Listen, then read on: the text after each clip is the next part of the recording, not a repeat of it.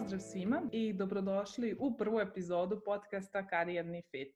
Moje ime je Jovana i ja ću biti vaš domaćin. Ja sam karijerni coach koji pomaže ženama da pronađu posao po svojoj meri u IT-u i zaista ga rade sa uživanjem. E, zato danas jeste sa mnom moja sjajna gošća, Anja Šolak. Pre svega hvala ti što si prihvatila ovaj poziv i što ćeš da budeš baš moj prvi gost. I pre nego što uopšte počnem da pitam svašta nešto Anju, e, zašto Anja? E, meni se njen profil toliko dopao, već neko vreme se družimo i znamo se, ali to je osoba koja, koju ćete često da vidite na networking eventovima, na meetupovima, koja će priča o produktu, koja će rado da deli svoje iskustvo, koja će da e, bude u različitim NGO aktivnostima, a pre svega i neko ko je, da kažemo, iz ekonomskog fakulteta napravio tranziciju u IT, tako da sve ono što je ona uspela za ovo kratko vreme će nam danas podeliti, tako da Anja, još jednom dobrodošla. Ej, hvala ti ovaj, što smo zvala, jako mi je drago da sam gost i još da sam prvi gost. Kao, da. wow. Onaj, tako da vjerujem da će nam biti zabavno ovde. U stvari, tebi meni uvijek zabavno kad, kad smo u nekoj interakciji, u nekoj komunikaciji. Ovaj, a nadam se da će biti korisno onim ljudima koji će ovo slušati. Ne slažem se. Drago mi, drago mi je da te vidim, ne znam, jesam ti rekla srećna ti nova. Takođe, takođe, sve najbolje. Srećna svima nova koji slušaju. Tako je, tako je. S obzirom da ovo zapravo počinjemo sa prvom epizodom i to u januaru, tako da mislim da stvarno ovaj, jeste sjajan boost da svi koji nas slušaju zapravo i naprave tu karijernu promenu ka IT-u. Možda bi bilo zanimljivo da krenemo od samog početka i onoga kao otkud ti od ekonomskog fakulteta pa danas do te pozicije produkt ownera. Šta se tu sve izdešavalo i kako si uopšte došla do te pozicije? Dobro, ja to čak malo ranije krenula zato što je meni ekonomski fakultet došao zapravo kao rezultat nekih mojih ranijih interesovanja ili čak možda nekog mog neznanja. Ja sam još u srednjoj školi se angažovala i kao volonter u nevladinom sektoru i završavala neke edukacije kao završnjačke edukatore, držala radionice svojim drugarima iz, iz, iz škole i to je meni tad bilo super zabavno, niko to nije radio i ja sam tu kao nešto prva počinjala tamo vamo. I čim sam završila srednju školu, ta NGO za koji sam volontirala, da kažem, imao potrebu da proširi svoj ovaj kadar, tako da sam se ja zapravo posle srednje škole zaposlila kao projekt koordinator. Ja sam zapravo ušla u NGO sektor u projektni management. A onda je ekonomija zapravo tu došla kao nešto što treba da podrži taj moj put, jer ja iskreno nisam znala šta bih studirala. Interesovala me psihologija, interesovalo su me političke nauke. Psihologija i dan danas ostalo nešto što je važan dio mog života i važan dio moje doedukacije, da kažem. Nisam psiholog, ne bavim se psihologijom, ali nekom primjenjenom psihologijom i nekim njenim granama, da kažem, bliske su mi. Uglavnom, ekonomski fakultet je tu došao iz nekog mog neznanja što ja ne znam šta da upišem, a znam da mi ekonomski fakultet može dati neku širinu zanimanje i u tom mom projektnom menadžmentu me može podržati. Nikad nisam završila svoj ekonomski fakultet, ja sam absolvent skoro deceniju, da kažem. To je ovaj bolna tačka mojim roditeljima i moje porodici dan danas i mojim prijateljima i dan danas. Ali to stoji tu gdje stoji I vidjet ćemo da čisto. Da, kad smo kod te teme, kako se nosiš sa tim? Da li ti to predstavlja uopšte pritisak, ta sredina, roditelj, još što ne završiš, ili s druge strane opet imaš jedan sjajan posao i karijeru koja onako od udara, jeli, od tog fakulteta, da. i za tebe jeste nebitan, ali za njih je kao pojam, mislim i dalje živimo u tom vremenu gde je bitno, jel? Da, da. Prije mi je to bilo dosta teško, taj pritisak, ali onog trena kad sam ja se zapravo sa sobom poravnala, da to meni nije prioritet, da ja nemam motiv da to završim, čak ni, ni onaj motiv završi nešto što se započela, ni to mi nije bitno. Iz razloga što radim nešto što volim, što se tu razvijam, što tu napredujem, što lijepo živim u tom svemu. Ovaj, ne kažem ja da neću nikad završiti taj svoj fakultet, čak prije ću se usmjeriti na nešto drugo i upisati neki novi fakultet, a taj ostaviti, mislim, ono, Ali onog trena kad sam se ja sa sobom posložila šta ja zapravo želim šta ja zapravo ne želim, tog trena i taj pritisak sam prestala osjećati. Dan danas se ta tema pojavi, negdje dan danas se to pitanje pojavi. Ovaj, naravno kad se ovako za praznike skupimo svi, kao za Božić. Ali to, ovaj, mislim, meni je to sad zabavno mi je, šaljivo mi je, ne, nemam ja više teret toga. A onda da se nadovežem na ono zapravo prvo pitanje otkud u IT-u, kako je spontano sve to tako meni dođe kroz karijeru. Ja to smatram da spontano dolazi, u stvari moje uvjerenje ključno tu da kad je posao u pitanju karijera moja kad je u pitanju da meni sve lako ide i da meni sve samo dođe. E, to je u stvari ključna razlika. Isto tako mi je spontano došao i došla i IT industrija. Doslovno jedna osoba povezala kompaniju kojoj je trebao profil kao što sam ja i povezala mene jer nas je znala oboje i rekla ok ljudi, ja mislim da vi tražite jedni drugi, ali eto da se vi sad upoznajte pa vidite je li to to. I to je bilo to. Tako sam ja zapravo i ušla ovaj, u IT svijet potpuno kao jedno malo tele. Znači, ja sam sad došla, čula sam za vas da ja vidim šta vi tu radite, ako meni tu bude dobro, ja ću tu ostati, ako vama bude korisno ono što ja znam, super. I eto, to tako traje već sedam godina. Nije to ta firma više, ali to tako traje već um, Dobro, mislim i taj, taj deo je, i nosi napredak i sama karijera iz jedne firme u drugu, jel? jer svako da. nas jel, prođe određena zasjećenost i motivacija, ali neko si rekla baš pa neki bitni stvari na koje bi se osvrnula, to je na početak to tvoje uverenje uh, koje je dosta bitno, jel? tad si završila fakultet i negde znaš da ti je nekako to dostižno, ide spontano, jer to je zapravo negde da iz mog iskustva E, baš veći broj žena ima taj deo, ja, ja nisam dovoljno dobra za ovaj posao s jedne strane, a s druge strane nije to meni dostižno, to je nešto luks ili to je neki posao koji je premium, to nije baš za mene, to mogu oni, tako da mislim da jeste to bio deo jeli, stvari koji te i doveo do ovde, a da. druga stvar koja mi se sviđa, koju si baš rekla, jeste networking, jer ne samo u IT-u, nego bilo gde, zapravo networking je toliko, toliko bitan vrlo, vrlo, vrlo, vrlo najveća vrijednost koju ja dobijam kroz bilo koji posao koji radim, bilo, bilo to sad u IT-u, bilo sad evo recimo ovaj podcast, bilo kakva saradnja, najveća vrijednost koju ja dobijam, ja, lično ja, su ljudi. I to je ono što je za mene u stvari najveća vrijednost i to je ono što je meni negdje jako bitno. Upravo ti ljudi s kojima sam okružena, koje upoznajem, s kojima ostvarujem kontakte, te moje konekcije nisu nikad rijetkost je da pravim ciljanu konekciju. Mislim, ciljana konekcija u smislu, ej, Jovana, treba mi bubam, građevinska firma mm. u Novom Sadu, da spojime s nekim. Već ovaj spontani, ovaj networking, znaš, kao što se recimo desi u konjicu, kad smo se ti ja upoznali, ovaj, to je nešto prosto što, što ja volim, što je meni zabavno. Sve, sve dok mi je taj networking zabava, on meni lako ide. Onog trena kad ja odem recimo na konferenciju sa ciljem da nađem recimo nove klijente, mislim nije to moj posao više nekad je možda i to bio moj posao, E tu se ja totalno izgubim, kao koga sad da tražim, ko mi treba, kako da nastupam, kako da prodam firmu, nas, jer to nije moj domen. Ali onog trena kad ja idem spontano, onako otvoreno, kako inače idem, e tu ja upoznajem ljude i onda ti ljudi te upoznaju s nekim drugim ili ti kažu, e, imaš ovo ovamo, obrat pažnju, ne znam jesi li vidio, ispostavi se da je to baš za tebe. E, pa, tako, tako je došlo do kontakta mene i IT-a uopšte. Da. Ali ovo je baš sjajan primjer, meni se baš sviđa ovo kao jedan uh, veliki savet uh, svima koji žele ne samo da uđu u IT sektor, već da dođu do tog posla koji će biti po svojoj meri, uh, da bude zabavno. Znači, jer to je ono, da. baš mi se sviđa da. to što si rekla, ali nekako uh, osjećam, uh, kada ljudi osjećaju da moraju da idu na neki networking event, imaju ono u stomaku, neku anksioznost i kao teško mi je kako će se snaći, ali ono dok je zabavno, igraš se i onda zapravo i dolaziš i do ljudi i do pozicija, do svega. I do rezultata. Tako je, tako je. Znači na kraju dana do rezultata koji su ono najbitniji. Ovaj, e, jako, jako je zanimljiva tvoja priča. A sad mene interesuje ono pitanje, mislim, ono, imam pet poruka na Instagramu sa istim pitanjem za nju koji ja to sertifikat moram da završim da bi došao do pozicije, nebitno sad da li je Scrum, da li je Product Owner, Project Manager, jer to su onako najčešće pitanja i dalje kao ne postoji jedan neki fakultet koji kao završim i ja dolazim, ajde da kažem, na ovu netehničku poziciju poput Scrum Mastera, Project Managera, Product Ownera, možda postoje neki smerovi koji su više vezani ka programiranju, ali ono kao i dalje imamo veliku količinu ljudi koji dolaze iz drugih sektora i uvek eh, krenu jedan kurs druge, ja to uvek kažem, eh, kitite se sebe kao jelku ukrasima sa kursevima. Na, naprosto ono kao samo još jedan kurs i onda shvatiš ne znaš nešto novo, pa ne znaš nešto novo i konstantno si u nekim kursevima. Ovaj, pa kako je tu tvoja zapravo ovaj, karijera išla i koji si ti kurs zapravo završila? Ovo je toliko dinamičan sektor i toliko brzo rastući i razvijajući da uvijek ima toliko stvari koje ne znamo. Uvijek. Znači, ne, nema kraja, ne možeš doći i reći ja sam ovo naučio i završio.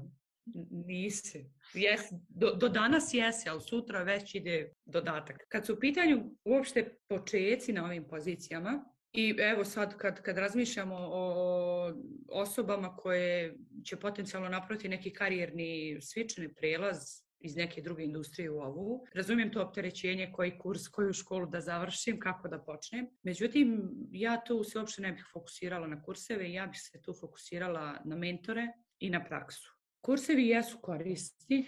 I sad razvojila bih kurseve na kojima učite od onih kurseva gdje se certifikujete, jer certifikacije za Scrum Master i Product Ownere su za mene lično, ne želim nikog da uvredim, toliko bazične, da je to samo dodatna vrijednost, taj papir je samo dodatna vrijednost, a znanje koje ćete vi dobiti na tom treningu nije ni blizu onog što vi trebate. Zato razvajam kurseve ostale od tih certifikacionih, I opet stavljam fokus na mentorstvo i na, na praksu. Ako dolazite na poziciju Scrum Mastera, Product Ownera, Product Managera, šta god, pitajte u toj kompaniji koja vas intervjuiše gdje dolazite, da li imaju osobe koje rade na toj poziciji već, kakva im je praksa kod onboardinga novih ljudi, pogotovo na juniorske pozicije, i da li planiraju da vam obezbijede mentora. Mentor vam je tu ključna stvar. Dobar mentor je ključna stvar, jer taj, ta osoba, brže ćete uz nju učiti, ta osoba će vam odmah reći ovo ti je dobro, ovo nije, ovako ide, ovo nemoj, ovo ti Postoji razlika između teorije i prakse. Scrum by the book i Scrum u praksi, to su različite stvari. A vi kad ste junior, vi ne znate da to ne može sve funkcionisati u praksi, jer mi radimo u dinamičnom sistemu, na dinamičnim produktima i radimo sa ljudima. Mi smo živi ljudi, mi smo dinamični sami od sebe. Tako da ulazite odmah u posao i tražite mentora. A certifikat nek vam bude dodatna vrijednost jer i kad pogledaš oglase za posao, firme, ja nisam dugo već nisam primijetila da je jedna firma rekla da je mandatoran certifikat za Scrum Master, ili Product Ownera. Ako ih spomenu, to je ono kao bonus, eto, imat ćete dodatne pojene na to.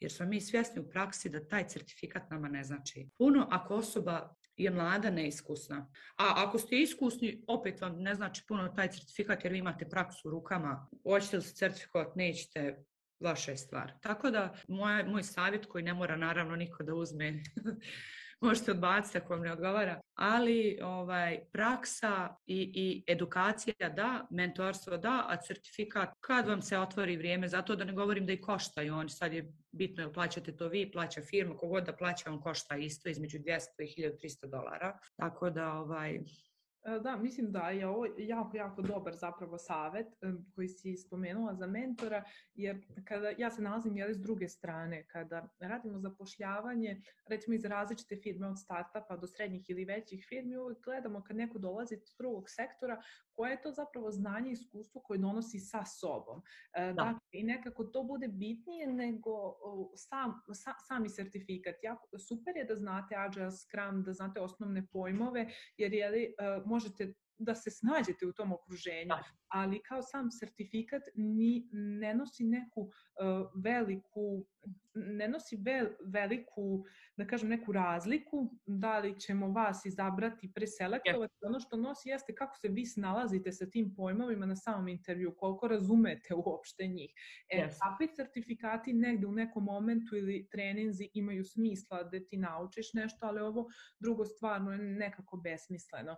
A reci mi, šta je možda ono što je tebi pomoglo u tvojoj karijeri od project managera, scrum mastera da dođeš zapravo do product ownera? Nisu sertifikati. Spomenula si na početku psihologiju isto koja je vrlo, vrlo bitna, je li za bilo koji posao koji danas radimo, ali šta je ono što ti još pomoglo? Sva, svi ti poslovi negdje imaju neke e, zajedničke tačke, da kažem. Onaj, zahvaljujući tom projektnom menadžmentu, ja sam se lako integrisala u produktni menadžment, jer postoje neke stvari koje su zajedničke. Ovaj, a, ja recimo nemam tehnički background. Ni dan danas ja nemam nikakav tehnički background. Ovaj, to mi je recimo nešto na čemu ja mogu da radim, ali recimo taj projektni management mi je pomogao da se integrišem u produktni management i zapravo da biram produktni, produktni management kao ono što mene interesuje u IT-u.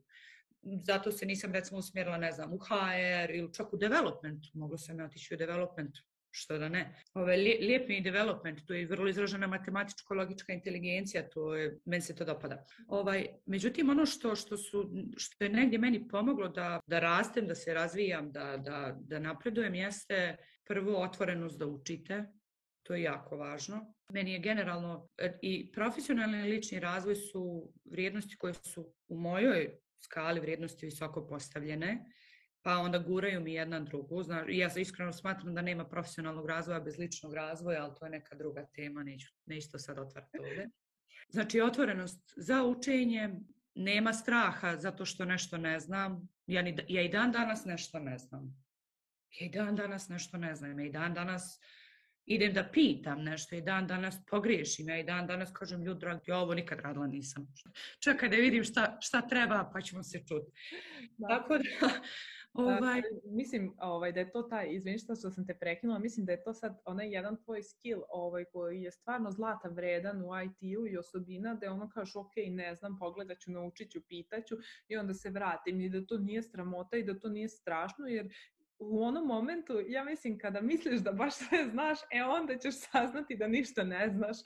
Tako da, i onda kreće uh, priča od početka i ovo je baš bitno što si rekla, lični razvoj. Ja se sećam prvi put kad sam videla tvoj CV, jeli, pa me jedan produkt owner koji te ovaj, intervjuisao pitao kako su kako je, kakve su ove stvari, ti si završila neke kurseve poput NLP-a koji su, jela, ajde da kažem, iz ličnog razvoja, pa onda mogu da doprinesu i profesionalnom razvoju u zavisnosti od samog, ajde da kažem, kurikuluma, programa koje ide. Ja sam pitala šta je ovo, koliko je to bitno za ovu poziciju, tako da mislim da su to stvarno sjajne stvari koje stvarno mogu da pomognu, ali ne ide se tamo zbog sertifikata, već zbog alata, načina rada koji ti zapravo olakšavaju.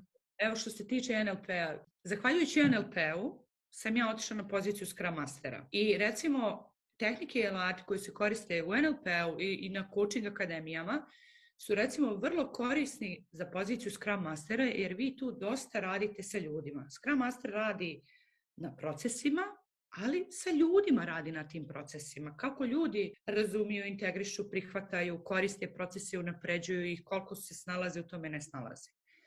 I NLP je recimo meni jako koristan bio tu da ja razumijem uopšte kad moj kolega bojkotuje posao i neće da radi. Da ja ne uđem u konflikt sa njim zašto on neće da radi, nek da razumijem da je korijen nešto drugo. Nije to da je on lijen i da tjera inat meni ili firmi ili nekom. Čovjek je demotivisan možda. Čovjek neće to da taj posao što dode mu je došlo, ono daj da vidimo kako ćemo mu pomoći. Ili nije spavao tri mjeseca jer ima malu bebu u kući. Razumiješ, to možda nema nikakve veze s Tako je, ali ovo sve što kažeš, to su stvarno realni primjeri koji se dešavaju. Realni, realni. Koji nisu ovo su primjeri iz moje prakse. Tako je. Tako je. A... Moje prakse. I da nisam radila toliko na tim nekim edukacijama koje nemaju veze sa produktnim managementom, ja ne bih imala razumijevanja za takve stvari jer sam naučena i vaspitana red, rad, disciplina. Odvoj privatno od poslovnog. Ma ne ide to baš tako. Nemo, naš, nema emocija na poslu. Ma kako nema emocija na poslu? Pa ako sam se mogu iznervirati na poslu, znači da ima emocija na poslu, nemojte me to učiti. Ali tek uz te dodatne edukacije sam ja bila spremna zapravo da radim posao Scrum Mastera, iako to je samo jedna petina onog što radi Scrum Master. Ali recimo i danas kad sam product owner, opet ti skillovi su mi pomogli da ne uđem u konflikt sa stakeholderom ili sa klijentom zato što on kaže to je vama dva klika. A nije to poenta, više ni problem da li je to nama dva klika ili nam nije dva klika, nego je pitanje vrijednosti tog što on hoće. Da li je to zaista potrebno krajnjem korisniku ili nije. E, da ja ne bi ušla u konflikt sa njim zato što on smatra da su to dva klika, a ja smatram da to nama ne treba, onda postoje tehnike i alati koje koristiš da prvo ne uđeš u konflikt, da sebe sabereš. Ja sam čovjek isto koji i on i meni je važno, nešto u poslu košta i njemu. I onda koristim te tehnike i alate da se pronašam profesionalno s razumijevanjem, da lijepo komuniciram, koliko god to sad nekom smiješno zvučalo, čuj, lijepo komuniciram s razumijevanjem, zar ne radimo to svi? Žao mi je, ne radimo to svi. I velika većina to ne radi, samo misli da radi i velika većina pocijenjuje soft skillove zato što se zovu soft, a tu nema ništa soft u tim skillovima. E, da, na kraju dana jeste jako bitno e, ne samo prelazak u IT, ali napredak recimo s jedne pozicije na drugu komunikacija, uverenja koje imaš sa sobom ah. i drugi soft skillovi stvarno jesu bitni jer način na koji ćeš da se predstaviš, način na koji ćeš nešto da iskomuniciraš ili rešiš zaista jeste bitno i o, to, to je nešto na čemu uvek svi možemo da radimo i uvek u svim poljima može bolje i tu, ba, baš je dobro ovaj, što si to spomenula i što si rekla. A reci mi koliko postoji razlika u radu kada radiš u timu o, sa E, recimo ženama u odnosu na muškarce? Da li postoje neke vidne razlike ili dosta zavisi od konteksta do konteksta oko nekih problema, izazova u samom timu i načina rada iz tvog iskustva? Čekaj, sad moram da razmislim malo. E, dobro, mislim, IT industrija je takva da je značajno manji broj žena u odnosu na muškara, muškarce. Nije to topla voda, nije to novina. Ja iskreno sam uvijek u timovima imala i žene. Naravno, ne, ne toliko koliko je bilo momaka, ovaj, ali bilo je žena u mojim timovima i meni je žao što ovi ljudi koji će slušati ovaj podcast ne mogu sad da vide moje kolegice, tu su zmajevi. Te žene, programeri, dizajneri, HR-ovi, produkt menadžeri, testeri, to su zmajevi. Ako treba svijet danas napraviti, one će napraviti svijet. Fenomenalne su i manje ih je, to jest manje nas je.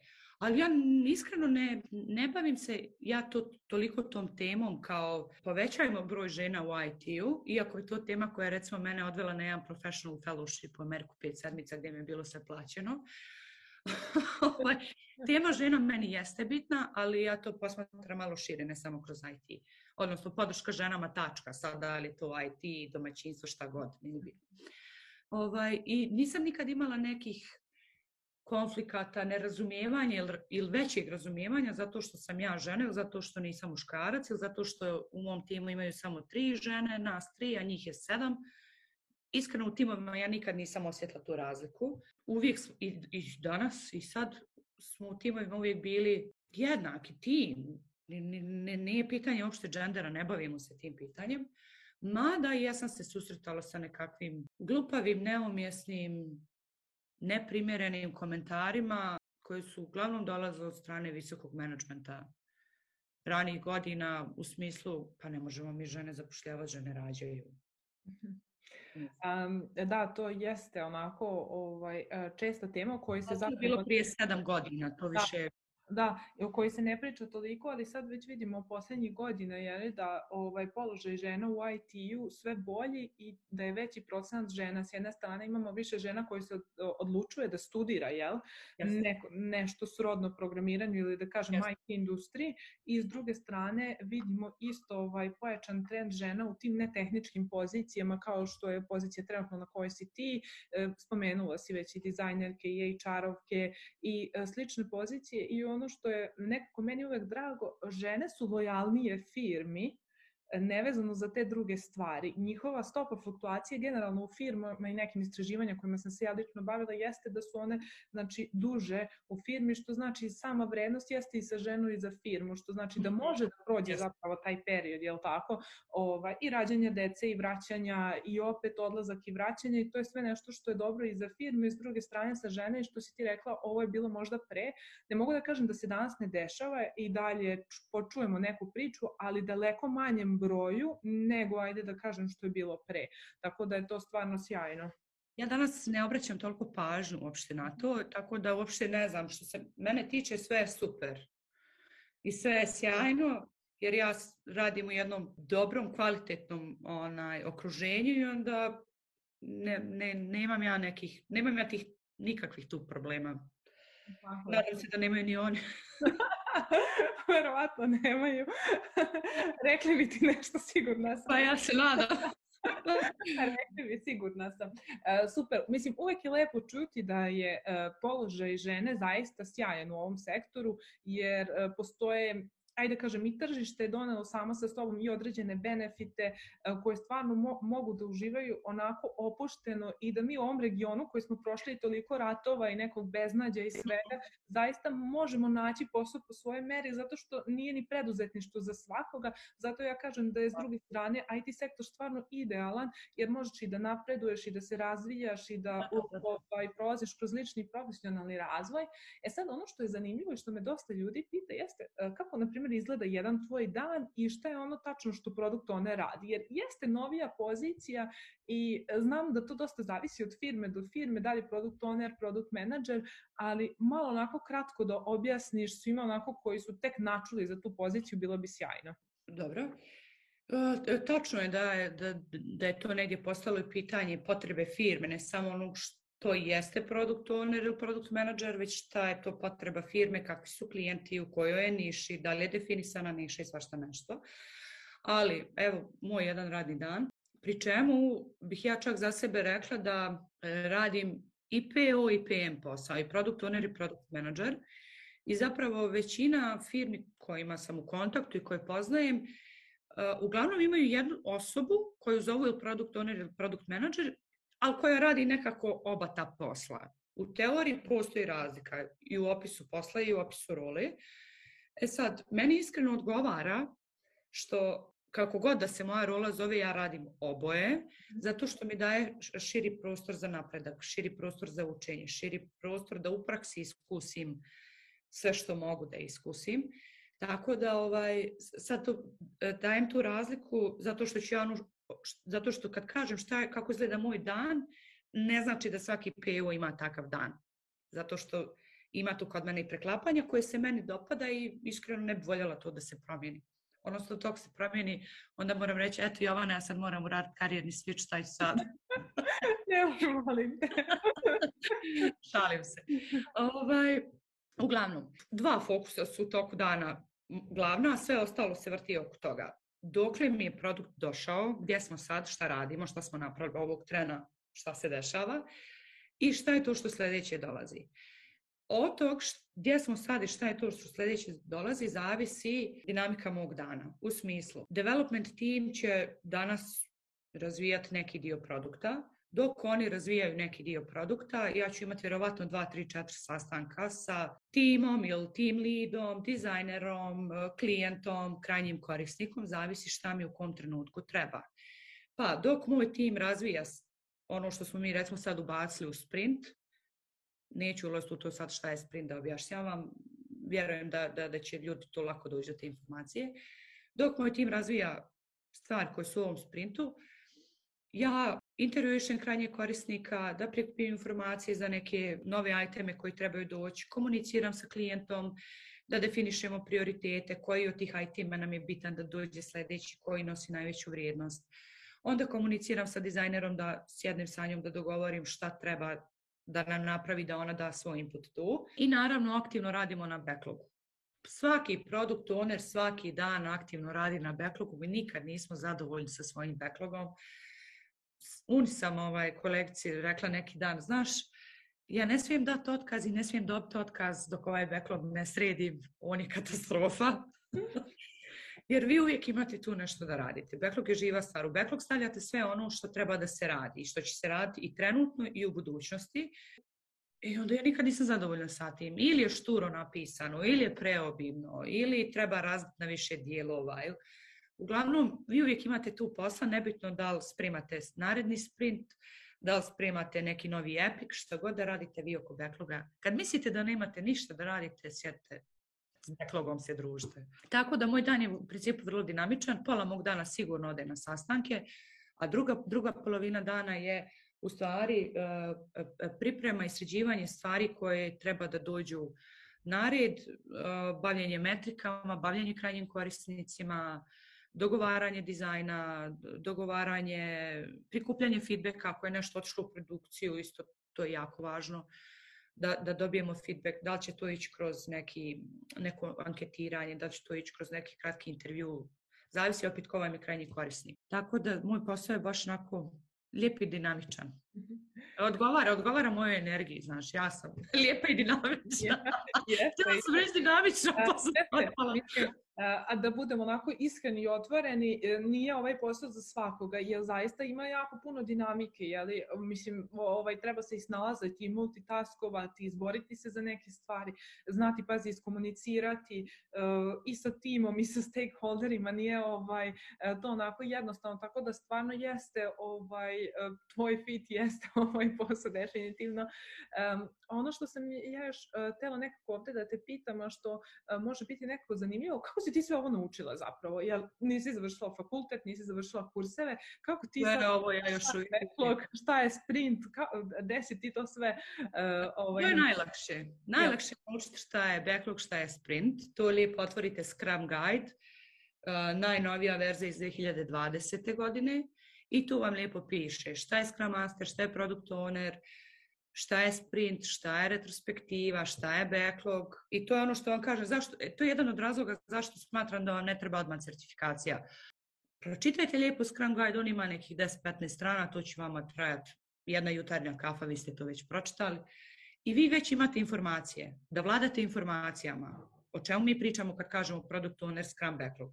Vi to već razumijete. Ne treba vam za to trening. A onda uđite u praksu da osjetite šta znači primjenjivati Scrum u praksi, jer to, to je izazov. Nije izazov naučiti terminološki, već izazov primjenjivati Scrum u praksi.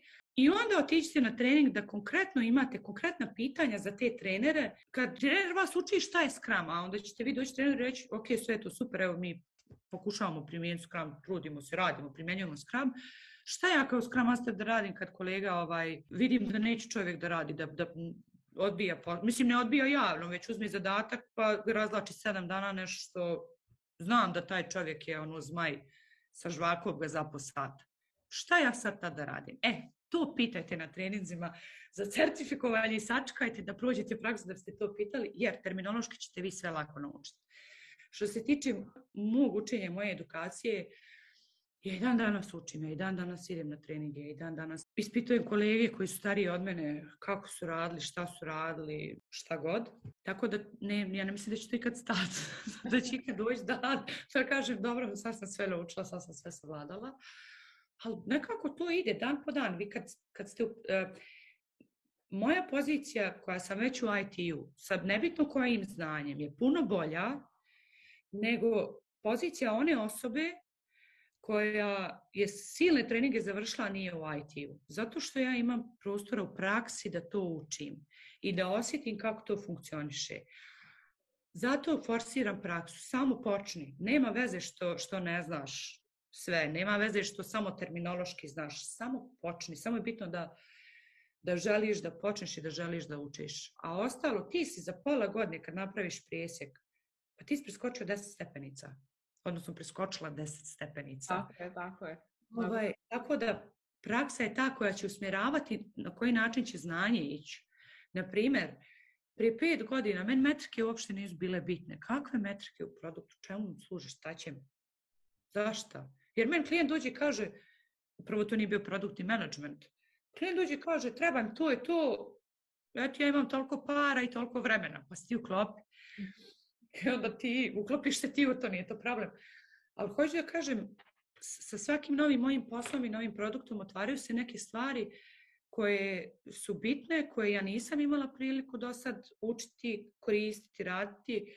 Za neke znam kako funkcionišu, sam što ja ih nisam da sad primijenila. Neke stvari ne znam uopšte kako počela s njima. Nazovem, natipkam na Slacku, kažem, e, izvin, radila, to je to, možda se ja sam upala sata. Da.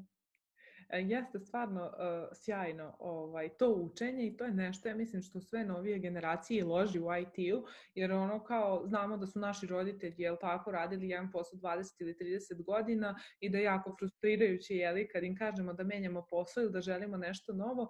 A zapravo... Više ne govori to, to, to, to, znači više ni ne znaju, tako i kod mene.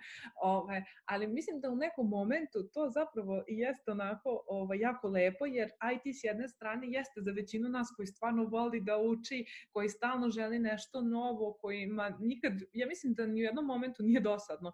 Evo, evo s druge strane meni u HR-u, mislim da stvarno uvek možeš da izmisliš nešto novo i da uradiš neku sjajnu stvar, tako da stvarno jeste za specifičan profil ljudi i posao u IT-u gde stvarno ako želite da učite, da se razvijate, da konstantno budete in sa trendovima, uvek će biti nešto novo, neke stvari nam se sviđaju, neke ne, ali donekle može da, da bude da, stvarno da, da. zanimljivo. Ovaj, dobar je to rodeo, stvarno sa učenjem jeste, jeste onako jako zanimljivo. Uh, super, da, o, ovo je stvarno bilo ovaj, zanimljivo za učenje i za neke stvari, jer tu baš ima dosta nekog stereotipa kao moram ovaj sertifikat ili ono ili kao kako, na koji način. E, dobro, ti si već podelila baš dosta saveta koje se tiču same edukacije, jeli, na koji način, kroz praksu, kroz mentorstvo. A šta misliš, e, kako bi se jedan CV za jednog možda produkt ownera ili scrum mastera, ti zapravo imaš ovaj profesionalno iskustvo u obe pozicije, mislim da si ti radila proces selekcije, ovaj, šta je ono što bi bilo možda tvoja predlog ili preporuka, e, možda ne samo u CV-u, možda u procesu aplikacije, traženja ovakvog posla ili karijerne tranzicije u tom kontekstu? Svaki CV se prilagođava onom pozivu na koji aplicirate. I dan danas ja tako apliciram. Čak i kad u isto vrijeme apliciram na istu poziciju za pet firmi, opet prilagođavam, šaljem pet različitih CV-a nisu oni baš toliko različiti, ali nešto se tu mora, mora postojati neka konekcija. Naprimjer, osoba koja radi u osiguravajućoj kući, e, diplomirani je pravnik, hoće da bude product owner. Na prvu rekao bi čovjek, aj ti sestro kući svojoj kakav ti, ja. aj ti kraju. Međutim, ta osoba sigurno se može povezati sa product owner pozicijom na način da ima širok spektar stakeholdera jer ima dosta klijenata od kojih naplaćuje nešto ili kojima plaća nešto, što znači da ima nekakve stakeholdere i da može da treba da je vješta u komunikaciji, u tom stakeholder managementu, da kažem. Druga stvar, ta osoba je vjerovatno dobra u prioritetizovanju, što je produkt owneru jako bitno, jer ta osoba ima različite nivoje naplate, odnosno različite rokove naplate štete, da li šalje tužbu, da li ide na sud, da li ide na ročište. Ja konkretno sad koristim primjer jedne moje bliske prijateljice. Mislim, žena neće da bude produkt owner, nego recimo uzela sam nju za primjer jer je totalno suprotna strana od onog što ja radim. Znači da dobro prioritetizuje, ona mora znati kad je koji rok. Ona mora znati kom klijentu ide prvom. Zašto? Pa zato što joj treba da to ode prvom. Ako ode ovom prvom, a onog ostavi, možda se neće moći naplatiti, možda će zakazati za tužbu, možda šta god. Takođe mora dobro da bude do, dobar donosilac odluka, jer ako klijent kaže, produkt owner treba da je dobar donosilac odluka, a i ova žena ima taj skill, jer ako klijent kaže, znate, taj iznos koji ja treba vama da platim zbog saobraćajke koju sam imao, ja vama mogu platu ratama. Sad ona može da ga stisne da plati odma, ali čovjek nema taj novac, ne može se naplatiti odma, odnosno može ga teretiti da to traje sad godinu dana dok ona izvuče keš. Ili da kaže, dobro, može u ratama, evo, jel može pet rata? I u pet rata da izvuče sve. Hoću da kažem, ta žena radi u osiguravajućoj kući kao diplomirani pravnik. Ja sam produkt owner. Ja već vidim vezu njenog posla sa mojim ili mog sa njenim, da ja sad prelazim u njenu rolu, I tra to tražite u CV-u. Pokušavate ono što imate, što znate, da povežete sa pozicijom na koju aplicirate, to je broj jedan. Naravno da u CV-u mi stvari uvijek uljepšavamo i treba da uljepšavamo, ali nemojte da lažete, to se odmah u sekundi otkriva. I budite iskreni. To, ja imam te te skillove koje smatram da su korisni toj toj poziciji, ali ja nisam radila kao product owner. Radila sam kao pravnik u osiguravajućoj kući. I želim da učim da napredujem. Da li vi uopšte kao kompanija imate potrebu da zaposlite neko ko je junior juniora i, i, i da pomognete da skupa rastemo mi u tom procesu.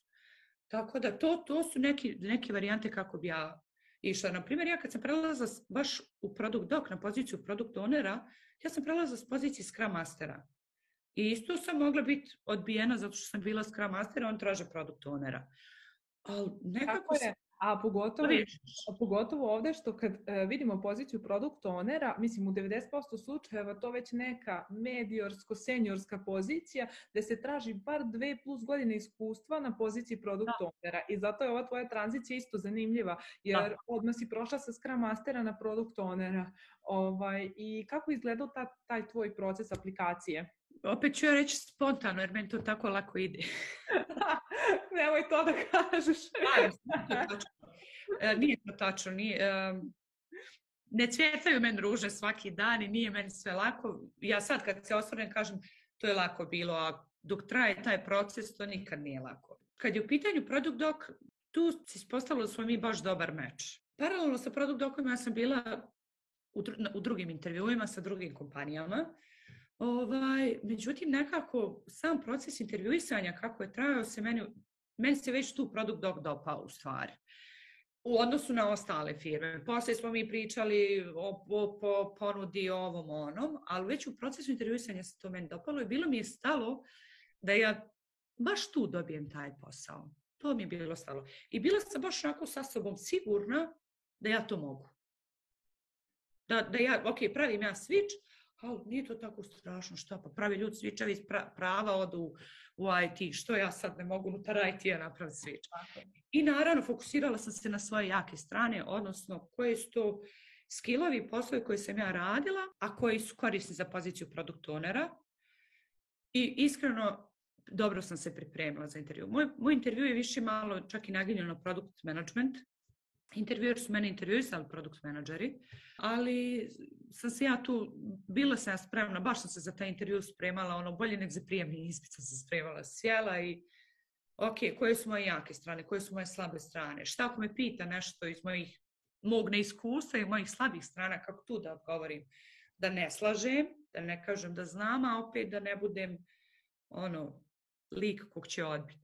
Tako da ovaj, za intervju se spremate kao za ispit, ja ne znam kako to drugčije da kažem, a, a ovaj, ističete svoje jake strane i povezujete svoje jake strane sa onim što se traži, jer morate ih imati. Nije, svi poslovi uključuju nekakvu komunikaciju, nekakvu interakciju, nekakvu saradnju, nekakvo planiranje, morate imati ne, neku vezu sa tim opštim stvarima. Ok, nemam tehnički background, ne radim ni jednu tehnologiju. To, to mi može biti minus, ali zato ovamo mi je ovo plus. A, tako je, ovo je sjajno što si rekla. Mislim, sve ima veze na kraju sa svačim, da kažemo. Znači, da. svaka pozicija koju ste da. radili, svako iskustvo je bitno, svako NGO iskustvo, svaka praksa je bitna. Da svega što ste radili i samo povežite sa pozicijom za koju aplicirate. Tako da ovo sve što se sad podela je stvarno bilo sjajno i ja znam provereno da u praksi radi, tako da si to odlično radila, što ti vidi, dobila si posao, tako da a nisam te ja intervjuisala, tako da ne bi bilo posao. Da, da, da, e, super. A, baš mi je drago što si danas bila moj gost i što si podelila ove sjajne i savete i puno si podelila, da kažem, nekih trikova koji su i tebi pomogli i možda neke stvari deluju pre jednostavno sada iz svog ugla ili spontano, ali velikom broju žena deluje nedostižno i nemoguće, zato mi je baš značilo da onako iskreno i otvoreno pričam o ovim stvarima. I ja imam jedno onako pitanje za kraj, e, koji je tvoj karijerni cilj za ovu godinu? Da ostanem u produkt dog. Sjajno. Odnosno, ne šalim se. Da, jeste ovaj, uh, Sad će mi godinu dana u produkt doku, februar nekad, moram samo vidjeti kad. Da, definitivno, mislim, planiramo ostati u produkt doku, ovde mi je lijepo, mislim da je njima lijepo sa mnom. E, ono što je moj karijerni cilj jeste da upravo se razvijam i rastem kroz produkt dok baš na ovom produktu na kojem jesam. Ono što je plus za mene što mi trenutno razvijamo tu neku našu matricu karijernog puta produkt ownera i produkt menadžera u kompaniji i to bi trebalo da bude sad gotovo početkom godine. Mislim, nas 7-8 radi na tome, pa dajem negdje optimizam da ćemo to završiti sad ovaj, početkom godine.